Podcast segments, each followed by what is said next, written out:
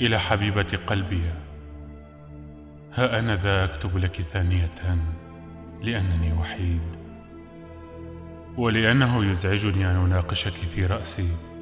من دون أن تعرفي عن هذا النقاش شيئا. أو حتى تتمكني من الحديث معي. يبدو أن الغياب المؤقت جيد. فالتعود على الأشياء من حولنا يجعل الأشياء تتشابه. ويصعب التفريق بينها. فالقرب يقزم حتى الأبراج. بينما توافه الأمور والمألوف منها إذا ما نظرنا لها عن قرب تبدو كبيرة وذات أهمية. والعادات السيئة التي قد تزعجنا جسديا وقد تتحول إلى صيغة عاطفية تختفي عندما تذهب مسبباتها من أمام أعيننا.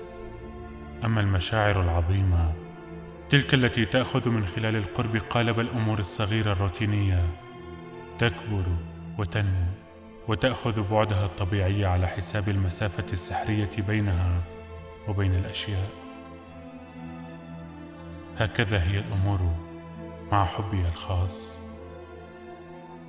لقد خطفت مني فيما يشبه الحلم وها أنا ذا أعرف بأن الوقت يقوم.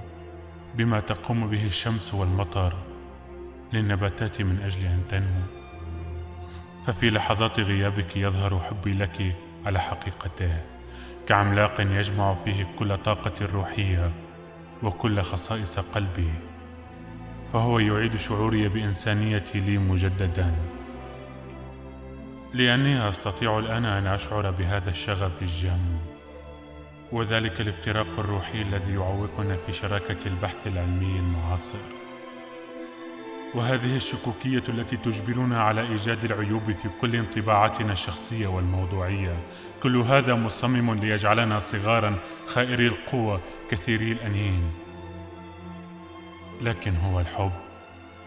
ليس ذلك الحب على أسلوب فيورباخ. وليس من أجل الاستمرار في هذه الحياة عن طريق تلك التغيرات الحيوية وليس من أجل نساء هذا العالم واللاتي بعضهن نعم نعم يتحلين بالكثير من الجمال. لكن أن لي أن أجد وجها كل خواصه كل تجاعيده هو عبارة عن تذكار لأجمل وأعظم لحظات حياتي.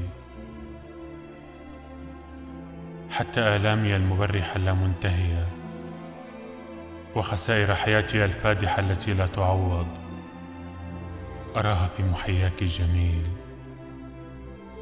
إني أقبل الألم قبلة الوداع إذ أقبلك. إلى اللقاء عزيزتي أقبلك وأقبل الأطفال ألف مرة. كار الذي تملكين.